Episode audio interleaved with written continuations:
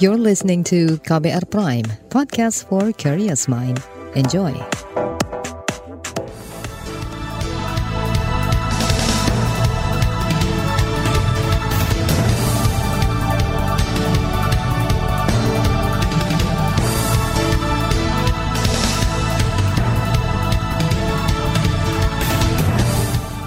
Selamat pagi saudara, senang sekali bisa menjumpai Anda kembali melalui program Buletin Pagi edisi Selasa 16 Agustus 2022. Saya Malika.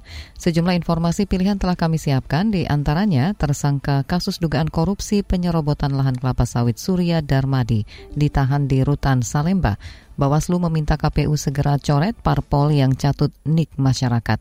Menparekraf sebut aktivitas warga Pulau Komodo kembali normal. Inilah Buletin Pagi selengkapnya terbaru di Buletin Pagi. Saudara Kejaksaan Agung akhirnya menahan tersangka kasus dugaan korupsi penyerobotan lahan kelapa sawit Surya Darmadi di Rutan Salemba setelah menjalani pemeriksaan selama tiga setengah jam di Kejaksaan. Rencananya SD akan ditahan selama 20 hari, terhitung sejak 15 Agustus hingga 2 September sebelum proses hukum berlanjut. Jaksa Agung ST Burhanuddin menyebut tersangka yang telah buron sejak 2019 ini menyerahkan diri setelah beberapa kali mangkir dari panggilan pemeriksaan. Kami mengetahuinya begini, kami melakukan pemanggilan atas tersangka itu di Singapura dan suratnya diterima oleh tersangka maka tersangka mengajukan permohonan untuk menyerahkan diri pada kami. Tetapi tidak tahu di mana tersangka itu uh, berada. Tapi pada waktu pemanggilan ada di Singapura. Itu. Kemudian dua hari yang lalu ada koordinasi dari pengacaranya ada di negara-negara itu. Burhanuddin menyebut SD ditangkap, ditetapkan sebagai tersangka dalam kasus korupsi penyalahgunaan izin lokasi dan izin usaha perkebunan di kawasan Indragiri Hulu. Kasus korupsi ini disebut terbesar di Indonesia karena ditaksir merugikan negara hingga 78 triliun rupiah. SD diduga melakukan tindak pidana tersebut bersama Bupati Indragiri Hulu periode 99-2008 Raja Tamsir Rahman. Selain penyalahgunaan izin lahan sawit, Surya Darmadi juga terjerat kasus dugaan suap terkait pengajuan revisi alih fungsi hutan di Riau tahun 2014 yang ditangani KPK. Juru bicara KPK Ali Fikri menyebut pihaknya mendukung proses hukum dilakukan Kejaksaan Agung dan berkomitmen menyelesaikan perkara SD di KPK hingga persidangan. KPK pun sudah dengan kewenangan undang-undang telah mengkoordinasikan perkara tersebut melalui Satgas Penindakan pada Kedeputian Koordinasi dan Supervisi KPK. KPK eh, juga sudah menemui pihak Kejaksaan Agung eh, secara intens tentunya untuk mendiskusikan lebih lanjut terkait dengan penanganan perkara dimaksud. Eh, perlu juga kami sampaikan KPK juga telah menyampaikan ya beberapa duplikat dokumen barang bukti yang dimiliki oleh KPK terkait dengan perkara tersebut kepada pihak Kejaksaan Agung. Ali menjelaskan pemilik PT Duta Palma Nusantara Surya Darmadi diduga memberi suap Gubernur Riau 2014-2019 Anas Makmum dengan menjanjikan uang sebesar 8 miliar rupiah agar perusahaannya masuk dalam revisi usulan perubahan luas kawasan bukan hutan di wilayah itu. Adapun Anas kini tengah menjalani hukuman penjara selama satu tahun dan denda 100 juta rupiah subsidiar dua bulan yang dijatuhkan pengadilan negeri Pekanbaru. Sementara itu, kuasa hukum SD, Junifer Girsang, membantah kliennya kabur ke luar negeri dan menjadi buron KPK serta kejaksaan. Ia menyebut SD selalu kooperatif jika dimintai keterangan, hanya saja dalam surat pemanggilan Kejaksaan Agung, SD yang berada di luar negeri saat itu tidak mengetahui adanya surat tersebut. Ada informasi menyatakan selama ini dia kabur, itu tidak benar. Terbukti setelah dipanggil, kemudian dia menerima panggilan, dia berkoordinasi dengan kami, dan kemudian kami himbau untuk hadir untuk membela dirinya. Sekali lagi, dengan kehadiran ini membuktikan bahwa klien kami sangat kooperatif dan nantinya akan mengikuti semua proses. Sekali lagi terima kasih juga kepada Kejaksaan yang sudah kita bisa bekerja sama. Bagaimana proses ini kami mengikuti. Itu tadi kuasa hukum SD Junifer Gersang. Di sisi lain, anggota Komisi Hukum Dewan Perwakilan Rakyat Taufik Basari mengapresiasi kerja Kejaksaan Agung yang akhirnya menangkap Surya Darmadi alias Apeng yang telah merugikan negara, namun ia juga mendesak Kejaksaan memperberat hukuman dan menelusuri lebih lanjut pihak-pihak yang membantu SD selama buron tentunya untuk yang bersangkutan dengan dia menjadi buron itu salah satu hal yang uh, dapat dijadikan alasan untuk memberat memper, memperberat uh, hukuman. Tapi di di samping itu juga uh, tindak lanjut dari kasus ini adalah uh, menelusuri siapa-siapa uh, saja yang membantu dia untuk menjadi buron itu juga penting untuk kita uh, bongkar ya hmm. agar jika memang ada bantuan dari pihak-pihak uh, tertentu, pihak-pihak tertentu ini juga harus mempertanggungjawabkan secara hukum. Anggota Komisi Hukum DPR Taufik Basari menambahkan Kejaksaan Agung dan KPK harus bisa bekerja sama sebab selain ditetapkan sebagai tersangka kasus dugaan korupsi yang ditangani Kejaksaan Agung, SD juga terlibat kasus dugaan suap pengajuan revisi alih fungsi hutan di Riau yang ditangani KPK. Senada dengan DPR, Koordinator Masyarakat Anti Korupsi Indonesia Maki Boyamin Saiman meminta Kejaksaan Agung dan KPK bersinergi dalam menangani perkara dugaan korupsi yang dilakukan tersangka SD. Ia menyebut meski dua perkara berbeda yang ditangani oleh KPK dan Kejaksaan Agung, sidang perkara bisa dilakukan dalam satu hari yang sama sehingga proses penanganan perkara bisa lebih cepat.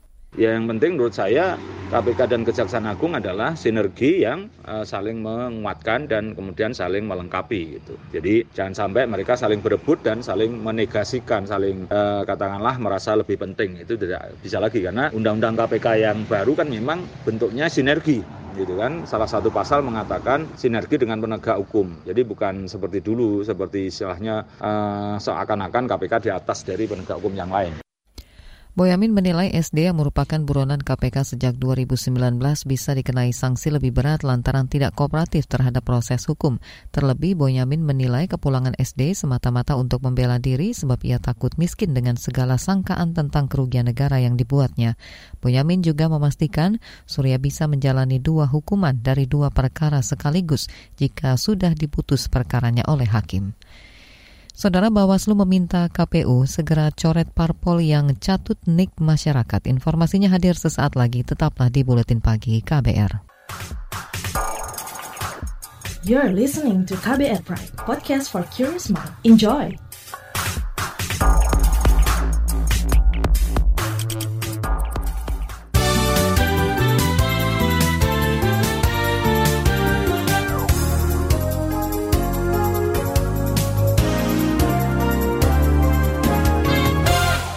Saudara KPK menerima ribuan laporan gratifikasi pada semester awal 2022. Jumlah itu meningkat 37 persen dibanding tahun lalu. Deputi Bidang Pencegahan dan Monitoring KPK Pahala Nainggolan menyebut data itu diterima KPK secara online dengan total 1.811 laporan. Dari jumlah itu ditetapkan 1 miliar rupiah lebih menjadi milik negara bagaimana 774 lembaga di Indonesia, di 542 Pemda, 34 provinsi, kementeri, ah, lantas non kementerian gitu, pernah melapor LKPN. Kita berasumsi bahwa gratifikasi ini ada di semua lembaga. Kan survei SPI juga bilang begitu kan, 99 persen ada gratifikasi. Jadi gratifikasi ada di semua lembaga, yang 774 ini juga ada, tapi kalau ada pelaporan dari situ, artinya kesadarannya sudah ada. Deputi Pencegahan KPK, Pahala Nainggolan menambahkan hampir 40 persen lembaga pemerintah belum pernah melapor adanya dugaan gratifikasi sejak lembaga anti rasuah didirikan. Artinya kesadaran melaporkan dugaan gratifikasi masih belum merata di seluruh lembaga pemerintah. Masih seputar hukum, Komisioner Komnas HAM Hoirul Anam mengatakan penghalangan proses hukum atau obstruction of justice dengan merekayasa alur kasus tewasnya Brigadir Yosua atau Brigadir J makin jelas. Itu disampaikan Anam usai tim Komnas HAM memeriksa salah satu tersangka yakni Barada Elizer atau Barada E di Bareskrim. Apa yang kami dapat eh, banyak hal yang ini semakin membuat terangnya peristiwa. Salah satu yang paling penting dalam yang apa yang kami dapatkan adalah semakin menguatnya indikasi adanya obstruction of justice. Jadi begitu. Jadi uh, bingkai hal yang penting yang didapat oleh Komnas HAM uh, itu obstruction of justice-nya juga semakin uh, terang benderang. Ana mengatakan Komnas HAM mendalami keterangan yang diberikan Baradae terkait dengan foto-foto hingga percakapan dalam bingkai cyber. Komnas HAM kata dia juga menanyakan semua hal terkait dengan temuan di rumah dinas Verdi Sambo. Sebelumnya, tim Komnas HAM juga meninjau tempat peristiwa penembakan Brigadir Yosua atau Brigadir J di rumah bekas Kadif Propam Polri Verdi Sambo di Kompleks Polri Duren 3 Jakarta Selatan. Kita beralih ke informasi pemilu. Kabar Pemilu. Kabar Pemilu. Badan Pengawas Pemilihan Umum Bawaslu menemukan ratusan nomor induk kependudukan NIK dari penyelenggara pemilu dan masyarakat yang dicatut oleh partai politik yang mendaftar menjadi bakal calon peserta pemilu 2024. Ketua Bawaslu Rahmat Bagja meminta KPU agar segera mencoret daftar NIK yang dicatut dari Sistem Informasi Partai Politik atau SIPOL sesuai dengan aturan yang ada terhadap hasil pengawasan berupa 275 NIK penyelenggara pemilu maupun masyarakat yang bukan merupakan anggota maupun pengurus parpol yang dicatut dan dimasukkan ke dalam sipol KPU agar segera menindaklanjuti rekomendasi Bawaslu ke depan dengan mencoret NIK tersebut sesuai dengan mekanisme yang ditetapkan dalam PKPU nomor 4. Berdasarkan hasil pengawasan Bawaslu pada tahapan pendaftaran partai politik peserta pemilu 2024 ditemukan 275 nama penyelenggara pemilu yang masuk dalam keanggotaan dan kepengurusan parpol. Rinciannya 216 orang staf, 31 orang anggota Bawaslu, 16 orang tenaga pendukung, 5 orang ketua Bawaslu, 3 orang bendahara, 2 orang kepala subbagian, 1 orang koordinator sekretariat, dan 1 orang anggota panitia pengawas pemilihan. Kita ke informasi ekonomi, Badan Pusat Statistik BPS mencatat neraca perdagangan Indonesia surplus 4,23 miliar dolar Amerika atau sekitar 62 miliar rupiah di Juli 2022 atau 27 bulan berturut-turut sejak Mei 2020. Deputi Bidang Statistik Distribusi dan Jasa BPS Tetianto menyebut surplus di Juli berasal dari nilai ekspor sebesar 25 miliar dolar Amerika atau sekitar 363 miliar rupiah lebih, sementara impor sebesar 21 miliar dolar atau 309 miliar rupiah lebih.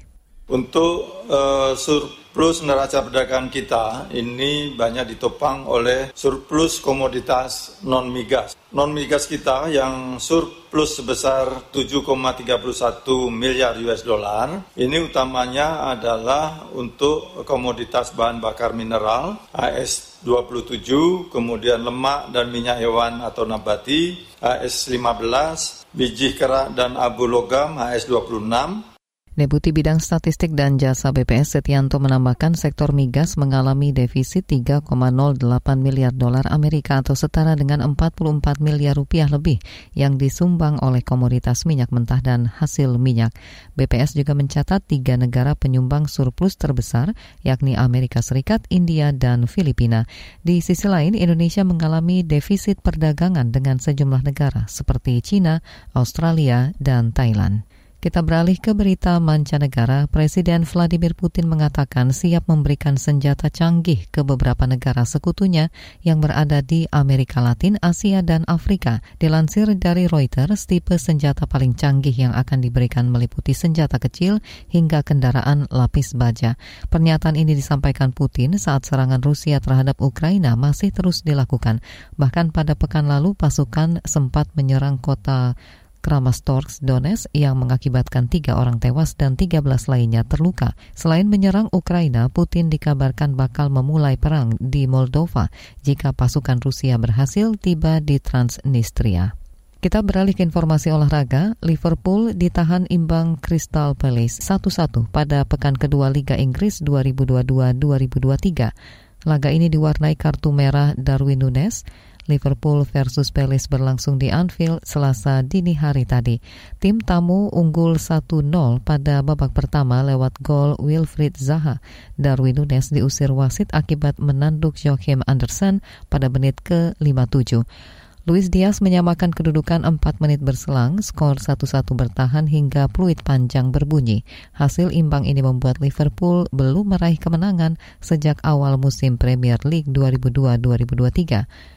The Reds tertahan di urutan ke-12 klasemen dengan 2 poin, sementara Palace di posisi 16 dengan 1 poin. Di bagian berikutnya kami hadirkan laporan khas KBR tentang upaya menghidupkan dui fungsi TNI. Tetaplah di Buletin Pagi KBR. You're listening to KBR Pride, podcast for curious mind. Enjoy!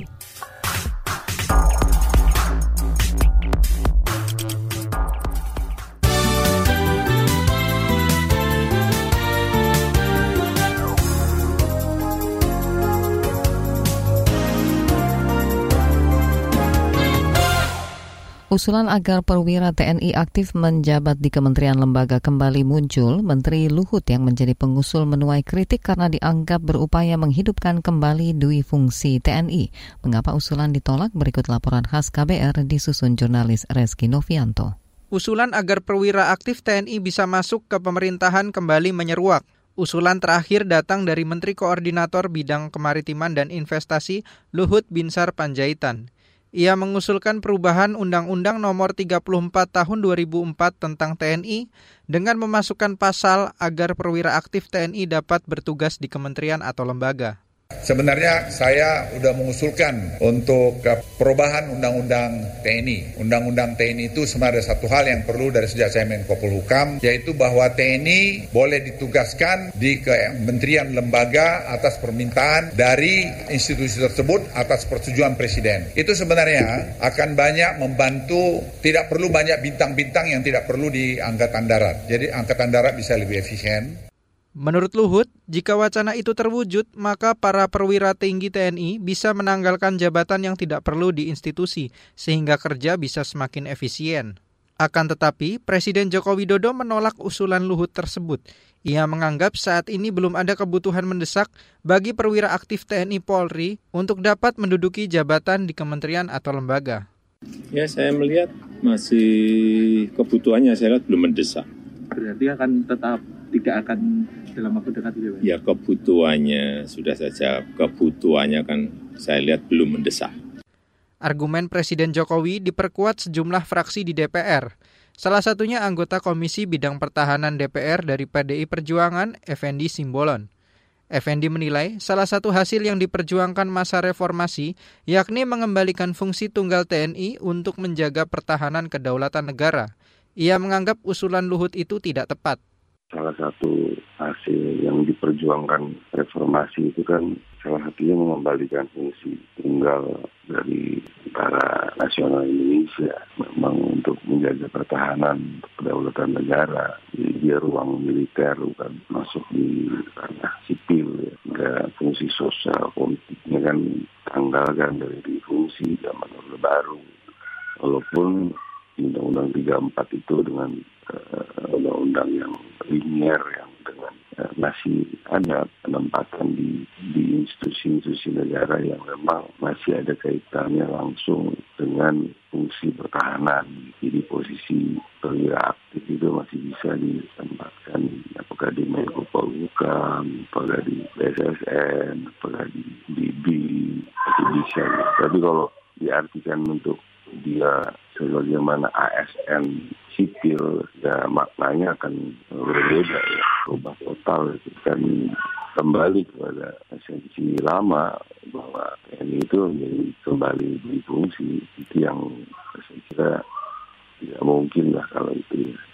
Effendi mengatakan revisi Undang-Undang TNI agar perwira aktif bisa mengisi posisi menteri akan mengembalikan esensi lama dui fungsi ABRI.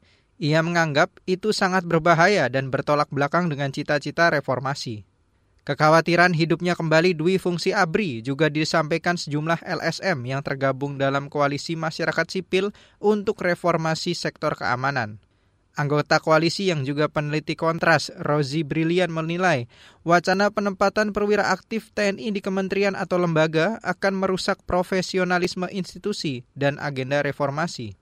Rozi mengatakan salah satu tuntutan reformasi adalah mengembalikan fungsi tentara sebagai penjaga pertahanan bangsa.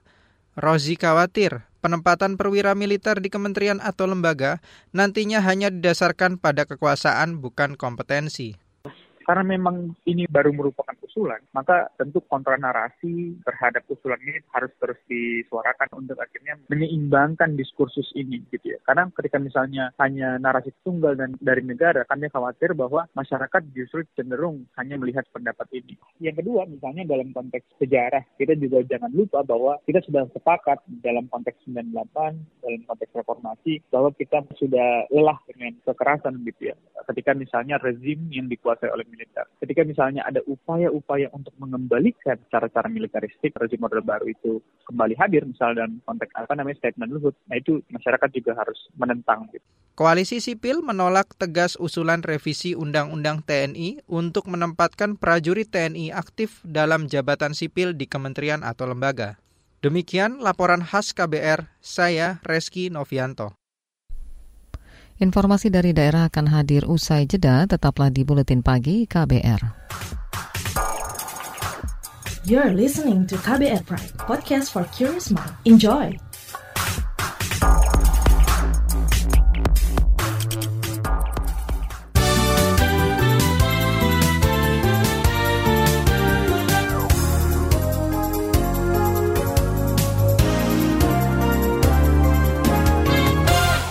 Saudara Menteri Pariwisata dan Ekonomi Kreatif Menparekraf Sandiaga Salahuddin Uno menyebut aktivitas pariwisata di Labuan Bajo sudah kembali normal setelah sebelumnya bergejolak usai pemerintah menaikkan tarif masuk ke Taman Nasional Komodo beberapa waktu lalu. Kata Sandiaga, hal ini terlihat dari meriahnya festival Golokoe yang digelar sepekan terakhir di Labuan Bajo.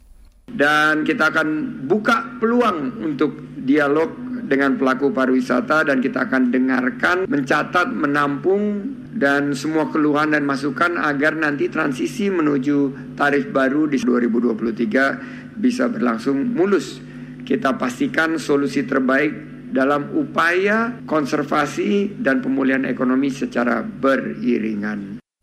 Sebelumnya, penerapan tarif masuk ke kawasan wisata Pulau Komodo dan Pulau Padar di Nusa Tenggara Timur NTT sebesar 3,75 juta rupiah ditunda hingga 1 Januari 2023. Pemerintah Provinsi NTT memberikan dispensasi selama lima bulan ke depan atau hingga akhir Desember 2022 untuk pemberlakuan tarif lama masuk Pulau Komodo maupun Pulau Padar. Besar tarif itu mulai dari Rp75.000 untuk wisatawan Nusantara dan 100 Rp150.000 untuk wisatawan mancanegara. Beralih ke Jawa Barat, sejumlah warga mengeluh gatal-gatal akibat bocornya pipa BBM Pertamina Cilacap Bandung atau CB3 di Sungai Jambu Jeruk Legi, Kabupaten Cilacap, Jawa Tengah. Dalam keterangan tertulisnya, Deputi Construction Manager CB3 Kerjasama Operasional PT Hutama Karya PT Timas Suplindo Darmawan mengatakan pihaknya telah menurunkan tim medis ke rumah-rumah warga. Ia juga mengatakan warga terdampak bisa segera melapor ke posko aduan guna mendapat bantuan medis. Sebelumnya pipa BBM Pertamina di Dusun Lengkong, Kelurahan Jeruk Legi Kulon Kulon bocor pada Rabu pekan lalu. Akibatnya aliran air sungai Jambu di sekitar wilayah tersebut berubah hitam dan berbau BBM. Darmawan menambahkan saat ini kebocoran tengah dalam perbaikan. Ke Jawa Timur, Dinas Kesehatan Kota Malang hampir setiap minggu menerima pengalihan status kepesertaan BPJS Kesehatan Masyarakat dari mandiri ke penerima bantuan iuran daerah. Itu diungkapkan Kepala Dinas Kesehatan Kota Malang Husnul Muarif. Kata dia, ada sekitar 2 sampai 3 warga yang dialihkan status kepesertaannya menjadi PBID setiap pekan. Ini disinyalir karena ketidakmampuan masyarakat dalam menanggung biaya saat menjadi peserta mandiri. Ia menambahkan jumlah peserta PBID sangat tinggi karena Pemkot Malang menerima limpahan dari 12.000 jiwa warga yang sebelumnya dibiayai Pemprov Jatim. Sehingga beban anggaran yang dikeluarkan Pemkot Malang untuk pembiayaan peserta PBID mencapai 100 50 miliar rupiah pada 2022. Informasi tadi menutup jumpa kita di Buletin Pagi hari ini. Pantau juga informasi terbaru melalui kabar baru. Situs kbr.id, Twitter kami di akun @beritaKBR, serta podcast di alamat kbrprime.id. Saya Malika bersama tim yang bertugas undur diri. Salam.